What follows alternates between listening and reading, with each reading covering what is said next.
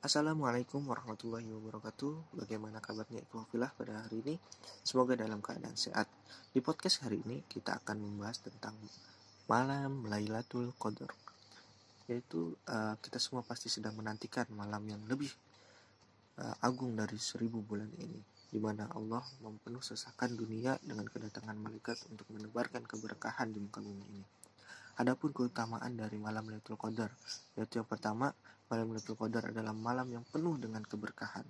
Yang kedua, inilah uh, malam Lailatul Qadar lebih baik dari seribu bulan. Maka setiap ibadah yang dilaksanakan pada malam Lailatul Qadar akan lebih baik dari seribu bulan kita melaksanakan ibadah di bukan malam Lailatul Qadar.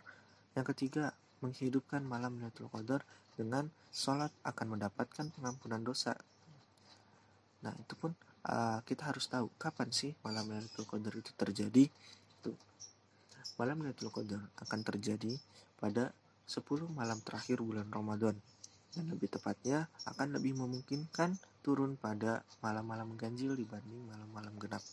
Adapun doa yang selalu diusulkan uh, ataupun yang selalu diamalkan pada malam Lailatul Qadar yaitu Allahumma innaka afuhun tuhibbul afwa fa'fu anni. Yang artinya ya Allah engkau lah maha memberi maaf dan engkau lah suka memberi maaf menghapus kesalahan. Karenanya maafkanlah aku hapuslah dosa-dosaku. Adapun tanda dari malam Lailatul Qadar yaitu yang pertama udara dan angin sekitar terasa tenang. Yang kedua malaikat turun dengan membawa ketenangan sehingga manusia merasakan ketenangan Ketiga, manusia dapat melihat malam ini dalam mimpinya sebagai mana terjadi pada sebagian sahabat. Keempat, matahari akan terbit pada pagi harinya dalam keadaan jernih, tidak ada sinar. Nah, bagaimana seorang muslim menghidupkan malam itu Qadar?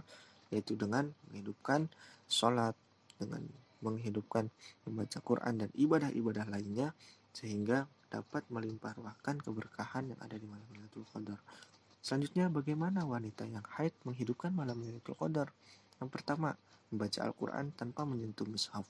Yang kedua, berzikir dengan memperbanyak bacaan tasbih. Yang ketiga, memperbanyak istighfar dan memperbanyak doa. Sekian podcast pada hari ini, semoga bermanfaat. Tetap semangat, sampai jumpa di podcast selanjutnya. Wassalamualaikum warahmatullahi wabarakatuh.